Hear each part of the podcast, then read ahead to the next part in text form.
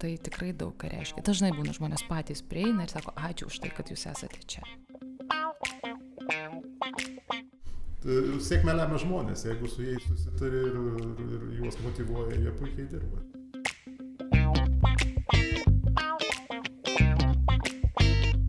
Su jumis Talking Diplomacy. Vasaros ir atostogų režimas nenoromis kviečia bent pasvajoti apie kitus kraštus, kur saulė, jūra, galbūt netgi kalnai. Tokiuose kraštuose kaip Sakartvelas, Armenija ir Ukraina galima rasti ne tik vasariškas turistinės vietas, bet ir civilinių konfliktų krečiamą regioną. ES civilinės misijos visame pasaulyje siekia stabilizuoti, stebėti ir atstatyti konfliktų norintas šalis, O apie tai, kaip atrodo darbas ir gyvenimas civilinėje misijoje, mums papasakos Kestutis Lančinskas ir Marija Kazanovič.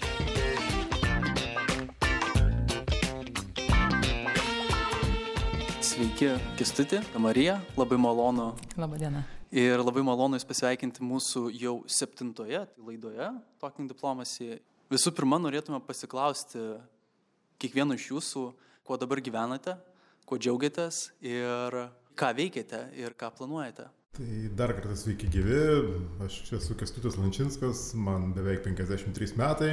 Dirbau keliuose projektuose Armenijoje, Moldovoje, bet koronavirusas mus visus gražino į Lietuvą. Apie save esu teisininkas pagal išsilavinimą, bet taip jau atsitiko, kad teisininkų niekada gyvenime nedirbau. 90 metais po nepriklausomybės atkūrimo, būdamas ketvirto kurso studentu, nuėjau į policiją, ten ir likau buvau truputėlį išklydęs iš kelio keliems metams išėjęs dirbti į užsienio reikalų ministeriją konsulinį departamentą. Teko padirbėti konsulų Izraelyje ir Latvijoje. Paskutinės pareigos buvo Vilnius VPK viršininkas, o po to dar 3,5 metų dirbau Ukrainoje ES civilinės misijos vadovu. Mano vardas Marija. E, šiuo metu dirbu ES stebėjimo misijoje Sakartvete su stebėtoja. E, tuo pačiu esu karštosios linijos ryšių pareigūnė ir e, darbas labai įdomus, dirbu pusę metų, netiek daug. Prieš tai ir tuo pačiu šiuo metu dar esu policijos pareigūnė ir policijoje dirbau 20 metų. E, pastaruosius šešerius metus dirbau viešųjų ryšių atstovę, atstovę spaudą ir komunikaciją, mano pagrindinis, pagrindinis arkliukas, sakykime, e, bet savo patirtį komunikacijos, savo patirtį bendravimo su žmonėmis, su e, įvairių kultūrų, įvairių patirčių, įvairių nuomonių žmonėmis teko e, perduoti ir šiuo metu esu karštosios linijos ryšių pareigūnė. O tai reiškia, kad man tenka betarpiškai bendrauti su visomis konflikto šalimis. Tai yra ir su Gruzijos atstovais, ir su Abhazijos atstovais, ir su Pietų Osetijos atstovais. Ir štai tas e, ryšių pareigūno vaidmuo atrodo kad, kad atrodo, kad nieko tokio ypatingo perduodi žinutę ir tiek, tačiau e, tai iš tiesų prisideda prie e, bendros padėties stabilizavimo, prie šalių uh, supratimo vienus kitų, vienu kitu ir na, tai tikrai yra labai svarbu. Gal galite pasakyti, kokia buvo jūsų ta pirmoji misija ir kas iš viso paskatino atsidurti civiliniai misijai? Aš seniai norėjau prisidėti prie Lietuvos indėlio į bendrąją ES saugumą ir tuo pačiu e, visos, viso pasaulio saugumą iš esmės, nes trečiųjų šalių saugumas jis daro tiesioginę įtaką ES saugumui. Ir e, suvokiau, kad vien dirbdama Lietuvoje galiu padaryti daugiau, kad mano kompetencijos, mano patirtis leidžia. Ir e, ši misija man yra pirmoji pagrindinė mano misijos buveinė yra ne Tbilisė, kaip visi galvoja, ten yra tokie lauko ofisai ir dirbame priešakinėse linijose, stebime na, tai, kas vyksta tiesiogiai. E, sakykime, Sakartvelo problemos su Pietų Osetija, su Abhazija, tuo pačiu su Rusija. Ir su tuo tenka kiekvieną dieną susidurti ir manau, kad patekau ten, kur norėjau. Iš mano pusės aš apie misijas žinojau jau senai, turbūt nuo 98 gal metų, kada Lietuvos pareigūnai pradėjo dalyvauti misijose. pats labai norėdavau išvažiuoti, kai dirbau tarptautinio bendradarbiavimo tarnyboje, kai buvau atsakingas už ES integraciją Lietuvos policijos su savo kolegomis. Tai teko tiesiogiai dalyvauti ir atrankose, ir, ir svarstymuose įvairiausiose misijų įkūrimo ir, ir, ir jų steigimo. Tai teoriškai žinojau, kaip misijos atrodo, teko ir Lietuvos policijos pareigūnus lankyti Bosnijoje, Kosove, toj pačioj Gruzijoje, bet, bet į misiją pats išvažiavau tik į Ukrainą. Bet jūs kas turite dvi kadencijas buvote? Aš Tris su pusė. Tris su pusė kadencijų buvo vadovo. Toks ilgametis. Šiaip norėčiau pabrėžti, kad Kestučius iš Lietuvos pažįsta. Na, ponas Kestutis Lančinskas ilgametis Ukrainos e, misijos vadovas, o štai Sakratvele dirbo irgi misijos vadovu dar vienas lietuvis, ponas Kestutis Jankauskas. Tai lietuvius pažįsta labai gerai ir labai gerbė.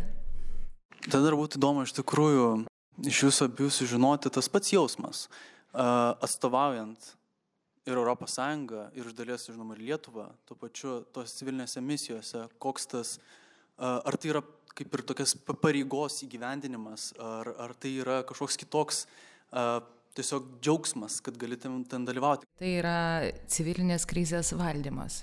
Ir mes prisidame būtent e, prie tos civilinės krizės valdymo. Šiuo, šiuo metu Lietuvoje gyvename tikrai puikiais laikais, tačiau dar atsimename, kad prieš 30 metų tokių laikų neturėjome. Ir e, asmeniškai man yra didelė garbė prisidėti prie to darbo, kad žmonės kitose šalyse nepatirtų arba kaip įmanoma greičiau atsikratytų tos civilinės krizės ir gyventų taikiai, normaliai. ES stebėjimo misija Sakartvele turi labai aišku ir, sakyčiau, labai lakonišką mandatą. Tai yra stabilizavimas, Tai yra normalizavimas, tai yra pasitikėjimo stiprinimas ir tai yra prisidėjimas prie ES užsienio politikos. Ir sakyčiau, man asmeniškai, kadangi esu pirmiausia stebėtoja ir kiekvieną darbo dieną tenka išvažiuoti, važiuoti kaimais, miesteliais, kur, sakykime, yra tokių vietų, kur viena kaimo dalis yra okupuota, kita kaimo dalis yra kaip yra laisva ir giminės negali laisvai apsilankyti vieni pas kitus gyvendami tame pačiame kaime, rizikuoja būti sulaikyti ir panašiai, ir panašiai. Ir kai mes sutinkame tuos žmonės, ir kai jie pastebi mūsų misijos pareigūnus, jų džiaugsmas, jų šypsenos, jų noras su mumis bendrauti ir jų nuoširdi padėka, tai tikrai daug ką reiškia. Dažnai būna žmonės patys prieina ir sako, ačiū už tai, kad jūs esate čia. Kokie buvo tie pirmieji iššūkiai, su kuriais susidūrėte? O galbūt kažkokie nustebimai, ar pastebėjimai, ar džiaugsmai, kas, kas, kas tuo metu vat, buvo pirmosiam dienom? Pradėsiu gal nuo to, kad kai paskambino iš Frederikos Mogherini ofiso man ir pasakė, kad mane atrinko ir kad aš turiu atvažiuoti jau susipažinti su, su Frederika Mogherini pokalbį asmeniniam kaip misijos vadovas Tai, tai buvo kažkur pusė dvylikos vakare Lietuvos laiku ir, ir, ir aš tada visą naktį nemigau ir galvojau, o, o prisidirbau. Čia juokais. O kai atvažiavau, tai pas didžiausias iššūkis buvo turbūt, man nebuvo didžiulė problema vadovauti žmonėm. Aš iki to laiko vadovavau Vilnius VPK, kur buvo 3000 pareigūnų dirbančių. Bet e, aš atvažiavau į daug mažesnį kolektyvą, bet man buvo didžiulis iššūkis rasti bendrą vardiklį tiem 24 valstybių atstovom, kurie tuo metu dirbo šitoje misijoje, kadangi jie atvažiavo iš skirtingų kultūrų, skirtingų patirčių, skirtingų teisinių sistemų ir taip toliau, ir jie visi, nu, kalba visiškai skirtingai, atrodo angliškai, bet skirtingom kalbom, net anglų kalba. Lietuvių anglų, ten anglų anglų, vokiečių anglų, prancūzų anglų ir taip toliau. Rumunų anglų, bulgarų anglų, graikų anglų ir taip toliau. Tai netgi, netgi tai man buvo pats didžiausias iššūkis rasti tą bendrą vardiklį. Ir, ir taip jau atsitiko, kad e, reikėjo labai greitai tą daryti, kadangi visi tikėjosi iš misijos rezultatų, o misija pati dar ieškojo pati savęs tenai. Tai aš pat atėjęs pirmą ką padariau, pirmą all staff meeting tas vadinamas, visų, visų darbuotojų susitikimas, aš ant sienos uždegiau skaidrę, kur buvo du žodžiai - trust and respect. Ir, ir, ir, ir vat nuo to pradėjome mes su jais ir, ir aš manau, kad mums per tris metus daug pavyko padaryti, mes ten sudėliojom ir pagarbą, ir, ir principus, ir vertybės misijos ir taip toliau. Nes mūsų į mūsų ukrainiečiai labai žiūrėjo ir mus kopijavo, mūsų misija buvo truputį kitokia negu Marijos, nes mūsų misija buvo skirta padėti reformuoti e, teisės saugos institucijas, prokuratūrą, policiją, pasie, sienos apsaugos tarnybą. Tai visiškai kitaip į mus žiūrėjo ir mes visiškai kitaip bendravome su, su, su, su Ukrainos kolegomis. Tai labai, labai svarbu buvo, kokį mes pavyzdį rodom ir labai buvo svarbu e, tą pasitikėjimą ir pagarbą ne tik tarp misijos darbuotojų išlaikyti, bet užsitarnauti iš ukrainiečių, nes ukrainiečiai tokie, pas juos vyksta karas, jie nieko nepasitikė. Tai mano darbas pirmiausia buvo ir, ir, ir toj pačioj misijoje įrodyti visiems, kad mes turim vienas kitą gerbti ir vieni kitų pasitikėti, susidėlioti savo prioritetus ir lygiai taip pat su ukrainiečiais užmėgsti tokius pasitikėjimo ir pagarbos ryšius. Tai man čia buvo pats didžiausias iššūkis. Aš Tikrai po pirmų dviejų savaičių Ukrainoje sėdėjau savo kabinete 9 vakaro, skaičiau ten tokį vieną vidaus tyrimo medžiagą ir, ir, ir galvojau, po Vilnių, ką aš čia darau. bet, po to, bet po to vėlgi prisipažinti, kad aš nu pralaimėtojas neišeina, norisi įrodyti, kad ašgi galiu, nu, jeigu jau papuoliau čia, nu, tai tada sukandi dantis ir važiuoji ir viskas. ir niekam nesakai, pats savo pabumbi, nu, po, po nosim savo nepasitenkinimą išreiškia ir toliau varai, važiuoji. O sutikau tai superinių žmonių, sutikau genialių, ten turėjau operacijų vadovą tokį Udo Müllerį, vokietį trijų žvaigždučių generolą, nerealų žmogus, kompetencija, išmonė, patirtimi. Turėjom e, šitą švedų pareigūnus, turėjom superinius irgi, turėjom danus, britai, e, kieti yra labai visose srityse, tiek nusikaltimų tyrimė, tiek, tiek tam vadinamam community policing ir taip toliau. Tikrai turėjom daug superinių žmonių, su kuriais dirbom, darėm, stengiamės. Airijos pareigūnai, tokia Airijos prokurorė Lin Šinan turėjome irgi, kuri geniali žinovė ir teisinės sistemos, ir Europos, ir, ir kitų šalių patirčių ir taip toliau. Taip kad Sėkmę lemia žmonės, jeigu su jais susitari ir, ir, ir juos motivuoja, jie puikiai dirba, tada ir misija. Aš visą laiką sakydavau, kad jų sėkmė yra mano sėkmė ir atvirkščiai. Tai be jų aš būčiau buvęs, ką žinau, kažkoks toks vadovas, karalius be karūnos. Gera yra tai, kad e, tau tenka patekti į daugio kultūrę aplinką, žmonės skirtingų patirčių. Ir civilinė misija reiškia, kad ten ne vien pareigūnai, kad gali atvykti ir žmogus dirbantis visiškai nesusiję susijusi su jokiu saugumu, su policija, su pareigūnu ir panašiai jokį nepanašų darbą. Štai, pavyzdžiui, mano misijoje dirba moteris, kurie Švedijoje veisia triušius. Taip, ir jie yra puikus monitorius. Yra puikiai specialistė, jie atsiskleidė. Ir tas patekimas į daugia kultūrę aplinką verčia uh, permastyti, galbūt peržiūrėti savo vertybės prisitaikyti prie tos daugia kultūrės aplinkos ir mokytis. Nes mokytis galima kiekvieną dieną, tokių smulkmenų, semtis iš e, kitų specialistų, kolegų patirties ir e, tuo pačiu stebėti, kaip kiti noriai semėsi, mokosi ir e, gerbė vieni kitus. Tas iš tiesų yra labai didelė civilinių misijų vertybė pasaulis yra labai didelis, Lietuva labai maža ir mes turime būti, jeigu norime išlikti kaip valstybė, mes turime būti to pasaulio dalimi ir, ir, ir stengtis dalyvauti aktyviai to pasaulio veikloje. Ir civilinės misijos yra būtent ta dalis. Mes esame ES dalis, ES atvedė mus į tą išsivystimo lygį, kuriuome mes esame, mes niekada nebūtume, buvę, nebūtume to pasiekę, kur dabar mes esame ir, ir reikia tuo didžiuotis, džiaugtis ir, ir, ir na, būti pasaulio dalimi ir atviriem, gerbti kitus, kitų nuomonės ir, ir viskas, ir kito varianto nėra. Nes, nes iš tikrųjų nuvažiuoti toje pačioje Ukrainoje, aš visiems sakydavau, norite dėžavų pamatyti. Atskriskite į Kijevą, aš pasisodinu jūs į automobilį, mes važiuom šimtą kilometrų už Kijevą, aš jūs nuvešiu į tokią vietą kur jūs pamatysite, kad pas mus prieš 30 metų, kai mes pabėgom iš Sovietų sąjungos, buvo rojus. Ten žmonės nu, gyvena daug blogiau negu mes prieš 30 metų Lietuvoje gyvena. Aš jūs pravešiu tokiais keliais, kur pažymėta žemėlapį greitkelis, o ten vidutinis greitis yra 30 km per valandą. Todėl, kad ten 30 metų niekas to kelio neremontavo. Dėl to yra svarbu dalyvauti ir būti tada, to dalimi tų misijų. Nes mes esame, mes esame ES dalis ir toje misijoje reikia būti. O misija tai yra vienas dalykas skirta stabilizacijai kažkokios tai situacijos krizinės, iš kitos pusės tai diplomatijai. Iš tiesų, panašių istorijų galima ir iš Sakartvelo surasti, kad, na, pirmiausiai, grįžtant prie to patirties skleidimo, džiaugiuosi, kad per pusę metų kai kurių ES šalių mm, kolegos visgi su, suvokė ir suprato, kad Lietuva tai yra Vilnius, o ne Riga. Ir Lietuva ir Latvija yra skirtingos šalis. Dažnai dar pasako, Marija, kada skrisi į Latviją, tai aš tai Marija labai pyksta. O dėl tos e, dežavų ir panašiai tos praeities refleksijos iš tiesų e, Sakartvelo dažnai asocijuojame su Tbilisiu, e, bet Sakartvelo tai nėra Tbilisis. Sakykime, kaip jau minėjau, mano darbo vieta yra vietos biuras Gorėje, tai yra visiškai siena su Pietų Osetija, 35 km iki Cchinvalio miesto.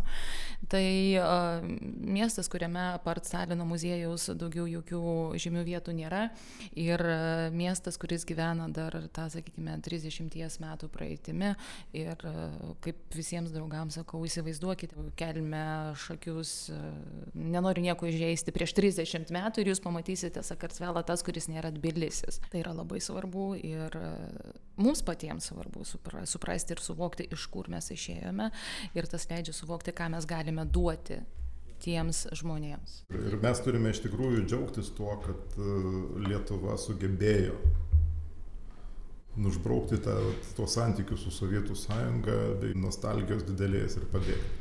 Nes, nes tie, kas bandė rasti kažkokius kompromisus ne, su Sovietų sąjungos praeitim, jie va tokioje situacijoje, kokia dabar yra Ukraina, ta pati Armenija arba Gruzija. Buvimas lietuviu yra kaip yra priimamas tiek Sakartvelė, tiek Ukrainoje, tiek Armenijoje ir kiek tas yra nešimas lietuviškumo ir kiek yra tas ES vardas. Ir ar tai yra susiję, ar, ar tai yra visiškai kita ir kokį įvaizdį būtent turi lietuviai tenai. Galėčiau pasakyti apie Sakartvelą. Ten žmonės yra labai bendraujantis. Ir jų paprastai pirmas klausimas, kai jie supranta, suvokia, kad esi užsienietis, jie paklausia, iš kur esi. Ir kai pasakau, kad esu iš Lietuvos, jie tikrai nereflektuoja į Sovietų sąjungą. Tikrai ne. Jie e, atsimena mūsų pagalbą Sakartvelui jie mūsų vadina broliais, jie vadina mūsų draugais ir jie tikrai tapatina Lietuvą su Europos sąjunga. E, ukrainiečiai taip pat, ukrainiečiams didžiai daliai ukrainiečių mes esame irgi siektinas pavyzdys, jie visą laiką akcentuoja ir sako, tai va pažiūrėkit, jūs tada sugebėjot nukirsti sąsąją su Sovietų sąjunga ir kur jūs esate, jūs Europos sąjunga, jūs laisvi, jūs keliaujat po pasaulį. Jiems tas keliavimas po pasaulį galimybė, jiems yra stebuklas. Jie tiesiog, jūs šiandienė, sako, Tai kas, kad ten jūsų algos kažkokios mažesnės vienodai, jūs šiandienė, jūs galite keliauti, jūsų vaikai gali mokytis viso Europos Sąjungoje, jūs galite matyti pasaulį ir taip toliau, jiems tas yra stebuklas ir jie labai tuo žavisi. Antras dalykas, jie labai tikrai dėkingi už mūsų pagalbą, Lietuvos pagalbą. Jeigu kalbėti apie Armeniją, Armenija trupučiuką kitaip, Armenija pirmą kartą, kai aš ten atvažiavau, sakė, iš NATO atvažiavai, tu priešas. Mm, tai aš jiem, na ką sakau, gerai, bet aš atvažiavau be ginklo, atvažiavau jum padėti. Bet tai mes, tas mūsų santykis buvo labai toks iš pradžių šaltas, tokia vyko žvalgyba, kas ką, kas čia, kas, kas su kuo ir taip toliau, bet na, tas mūsų pirmasis vizitas buvo toks, kad mes žaidėm ką terpelę vieni su kitais. Tai mūsų darbas buvo pirmiausiai įvertinti per dvi savaitės, o kas, kokia yra situacija policijoje Armenijos kokių reformų reikia ir taip toliau, nes jie vadovavosi tuo sovietiniu principu, jie raportavo, kad viskas gerai pas juos, viskas padaryta ir iš tikrųjų, jeigu jų dokumentus paimsi, ten viskas super. Bet kada įlendi giliau trupučiuką į policijos stotį, tą vadinamą, į komisariatą ar dar kažkur, tu pamatai, kad ten struktūra yra 85 metų. Ir, ir, ir, ir ten niekas nepasikeitė, viskas tas pats, procedūros tos pačios, vienas kompiuteris policijos stoti ir tas ten, nežinau, kažkas žaidimų žaidžia, internetas tai yra, tai nėra, ten, nu, na, yra ir taip toliau. Tai mes labai sąžiningai ir parašėme. Ir kai mes sąžiningai parašėme, jie suprato, kad mūsų apgauti neišeis. O ten taip jau atsitiko, kad mes visi turėjom civilinių misijų patirties, estas dirbęs ilgai Kosove, aš Ukrainoje, Ispanas irgi Kosove dirbęs, jis matęs tų visokių, visokių dalykų.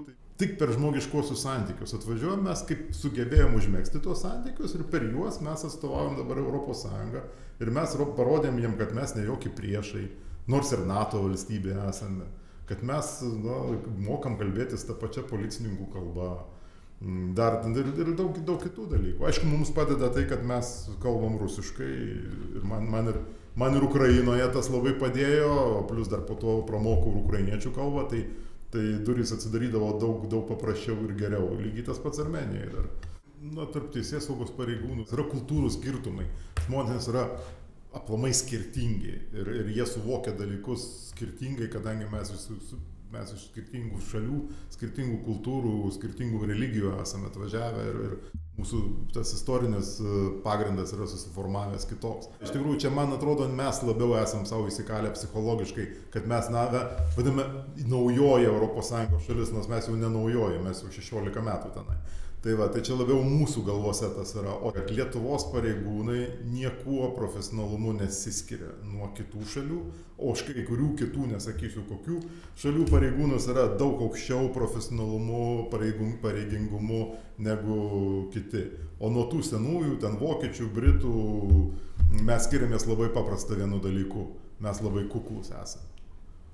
Nemokame. Nemokame save parduoti. Estai kažkaip išmokę yra, tai jie save parduoda labai greitai. Mūsiškiai to nemoka, mes savęs nemokame parduoti, kad mes mokam tą patį, ką ir jau gal net ir geriau mes kažkaip nutylėsim ten, dar kažką padarysime ir, ir kažkaip atsitrauksime geriau, kol jau kalbėsim tik tai tada, kai turėsim kažkokį labai super rezultatą. Jie moka ten netgi mažus savo laimėjimus, juos irgi padaryti dideliais ir parodyti, kad jie tai padarė. Tai vad vienintelis. Mums reikia va, čia pasitikėjimo savimi daugiau keisti. Sutinku ir pantrinčiau kestučią, kad tikrai Lietuva yra labai gerbiama. Ir e, nereiktų pamiršti, kad į misiją bet kas nepateks. E, ir į misiją patenka paprastai aukštų kompetencijų išsilavinę, kultūringi žmonės, kurie supranta ir suvokia, kas yra ES ir pagarba Lietuvai iš tiesų yra. Ir Lietuva laikoma, tikrai, tikrai nėra laikoma kokia posovietinė, visi apie tai pamiršę seniausiai, galbūt iš tiesų, bet e, pritarčiau kestučiu, kad mums iš savo galvų reiktų tą išbraukti seniausiai. Lietuva laikoma vakarų šalimi, sėkminga. Niekas nevadina rytų šalimi, vadina Tikrai, šiaurės Europos tai, šalimi, vadina, čia mes patys save ten prisiskiriame ir taip toliau. Na ir nepaslaptis, kad visiems bendravimas yra apie žmogiškai, yra užklasinis bendravimas. Ir paprastai e, bendraujame taip vadinamaisiais kontingentais. E, tam tikrų šalių atstovai mieliau laikosi savo ratelį, negu priima kažkokius kitus. Tai štai pas mūsų sakartvelė lietuviai labai mielai priimami į tų vadinamų vakarų, e, šiaurės vakarų šalių ratelį ir bendraujame su vokiečiais, olandais, danais, švedais. O su kokiamis situacijomis teko susidurti? Tiek dirbant tokioje tarpkultūrinėje erdvėje, tiek Kaukazo šalise. Kas ypatingo įsiminė? Ypatingo, ypatingo iš didžiosios raidės. Ko gero, viena iš tokių šalių, kur tiek karvių ir šunų e, keliuose jūs nesutiksite. Ir e, visą tai turi pirmenybę. Kartais tenka sustoti ir palaukti, kol visa karvių banda perės kelią. Tai e, tokių linksmų nuotikių yra buvę tie gyvūnai kažkaip nė, nėra pas mus įprasta, kad automagistralėje karvių banda eitų per kelią. Tai... Nežinau, tokios dvi istorijos dabar kažkaip tai krenta į, į, į, į, į prisiminimą, prisimena, krenta į galvą.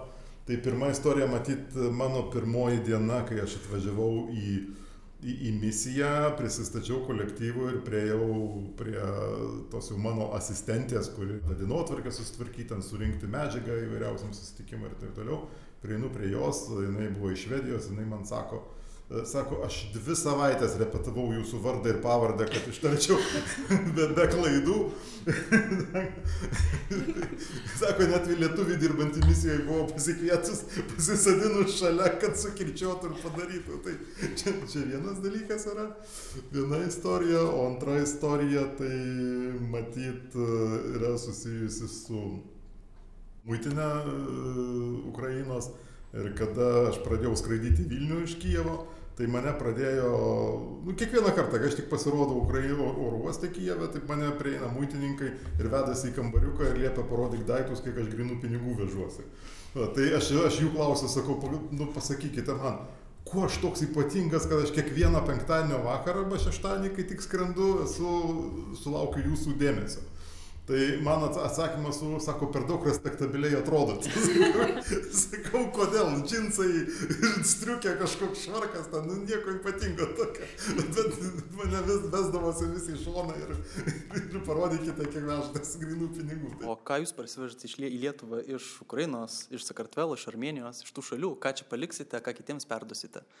Ką aš, ką aš jau ir sakiau, matyt, pakartosiu, kad tas darbas su skirtingais žmonėmis, su daugia kultūrinė aplinką, man tai buvo didžiulė patirtis ir, ir aš ją prisiminsiu ilgai. Ir, ir naudo, jeigu teks dar kažkur dirbti ir daryti tai kažką, kažkokį darbą, tai tikrai naudosiu tas žinias pagarba kitai nuomonė, išklausyti kitą nuomonę ir, ir taip toliau ir panašiai, tai yra labai svarbu ir pagarba kitam žmogui. Panašiai kaip ir kestutis, patirtis dirbti daugia kultūrinėje aplinkoje ir pagarba kitiems tai yra tikrai labai didelė pamoka. Ir grįžime prie mūsų pokalbio pradžios, suvokimas, kad pasaulis yra didelis. Ir kai mes esame verti ir žinome ir mokame girtis, kaip Kestutis paminė, mes nemokame, bet išmokstame girtis ir mes e, suvokiame, kad esame profesionalus, esame stiprus, mes galime padėti kitiems, tai e, tas pasaulis e, pasidaro labai atviras. Ir tai iš tiesų yra didelė vertybė ir pamoka. O antra pamoka, na, iš Sakartvelo atsivežiau kelis receptus, tai išmokau, gami, išmokau gaminti tas uh, tikruosius gruziniškus, gruziniškus patiekalus, tai labai patinka šeimai. Ukrainietiškus lašinius. Tai. Gruzinai turi baklažanus labai skanius. Apie tą pasigirimą, tai aš dar pantrinsiu, norėjau girtis mes mokame, bet mes visą laiką giriamės, kada prisimenam mūsų istoriją. Vat Vytautas didysis Žalgerio mūšis, va ten mūšis prie šitų mėlynųjų vandenų, va ten mes sugebėjom, Sovieskis nužygiavo su LDK kariuomenė ir, ir sulaikė Osmanų imperiją, išgelbėjo vieną nuo okupacijos. Nu, ir taip toliau. Šitą mes mokame, mes prisimename, bet mes kažkodėl tai už, užmirštam dabartį ir negalvojam apie ateitį. Tai aš visiems linkiu, kad, kad didžiuodamiesi tuo, kas buvo ir kokie mes buvome, prisiminkime, kas dabar yra ir kas mes esame ir, ir galvokime apie tai, kaip, kaip puoselėta mūsų kraštą ateityje, žiūrėti į priekį. Ir dar suvokti, ką mes dar galime padaryti, galime padaryti o galime padaryti daug. Padaryti daug. Ir toj pačioj Europos Sąjungoje reikia dalyvauti misijos, reikia būti matomiems, kadangi tik tai šalis matomos, matomi šalių atstovai gali kažką pasiekti ir padaryti. Mes jau pilnai galime susitvarkyti patys, mes pilnai galime ir kitiem padėti, mums reikia tik tai, nu, trupučiuką čia perjungti kažkokį mygtuką, vieną switchą tą padaryti į kitą pusę, į kitą, kaip čia pasakyti, maudą, ne maudą. Iš tiesų mes jau subrendome, subrendome duoti, subrendome padėti, subrendome prisidėti prie plačių tikslų įgyvendinimo, prie bendro ES e, saugumo, prie pasaulio saugumo įgyvendinimo. Ir apie tai reikia kalbėti, apie tai reikia uh, rodyti žmonėm, kad yra misijos, kad uh, dalyvavimas misijoje nėra kažkoks išvažiavimas atostogų ar kažkoks trumpalaikis nebuvimas darbė Lietuvoje. Kai mes leidžiame spręsti, padedame spręsti civilinį konfliktą, civilinės krizės konfliktą kažkur Sakartvele ar tai Ukrainoje, padėti žmonėms stabilizuoti pat, e, situaciją, mes tuo pačiu prisidedame prie mūsų vidaus saugumo. Ir apie tai nereiktų pamiršti. O dar galima jokingą atvejį papasakoti. Irgi nesakysiu kokios valstybės. Buvo, buvo taip, kad mes turėjom tokį vieną taip vadinamą peristukiną misiją. Jį reikėjo pastoviai auklėti dėl jo elgesio ir kitų dalykų. Va, nu jis buvo iš didelės šalies, jo taip ir, ir, ir aš pasikviečiau vieną kolegą, labai garbingą kolegą iš, ir labai protingą kolegą iš to šalies ir sakau, būk tu geras, nu, paimk tu jį nusives kur nors vakare alaus išgerti ir tu paaiškėjom, kad žaidimo taisyklės yra tokios, tokios, tokios, tokios, jų laužyti negalima. Jeigu ne, bus vienas vidaus tyrimas, antras e, tyrimas ir mes išsiųsim iš misijos jį su vilko bilietu ir jam paskui bus labai sunku ir blogai. Jis taip į mane pasižiūrėjo, sako, aš jau du kartus tą dariau. Sakau, ir ką? Nu, mūsų 47 milijonai, ne visi protingėsi. Ko palinkėtume tiem žmonėm, kurie galbūt išgirs apie civilinės misijas, gal kurie panorės būti jų dalimi, arba kaip pareigūnai, arba galbūt, kaip ir minėjote, kad nebūtinai turi būti pareigūnai, gali auginti ir triušius Švedijoje, kad būtum dalis tokio iš tikrųjų gan reikalingo ir svarbaus darbo. Aš palinkėčiau drąsos ir pasitikėjimo savo jėgomis. Tik tiek. Jeigu yra sumanimas, jeigu yra noras, jis turi būti gyvendinamas. Drąsos pasitikėjimo, pasiruošti, tuomet tikėti savo jėgomis, viskas bus gerai. Čia buvo Talking Diplomacy. Ačiū, kad esate kartu net ir vasarą. Per šiuos mėnesius laukite dar kelių, kiek kitokių globalesnių epizodų. Tad sekite Talking Diplomacy visur, kur klausotės podcastų bei Užsienio reikalų ministerijos socialiniuose tinkluose. Ačiū ir iki.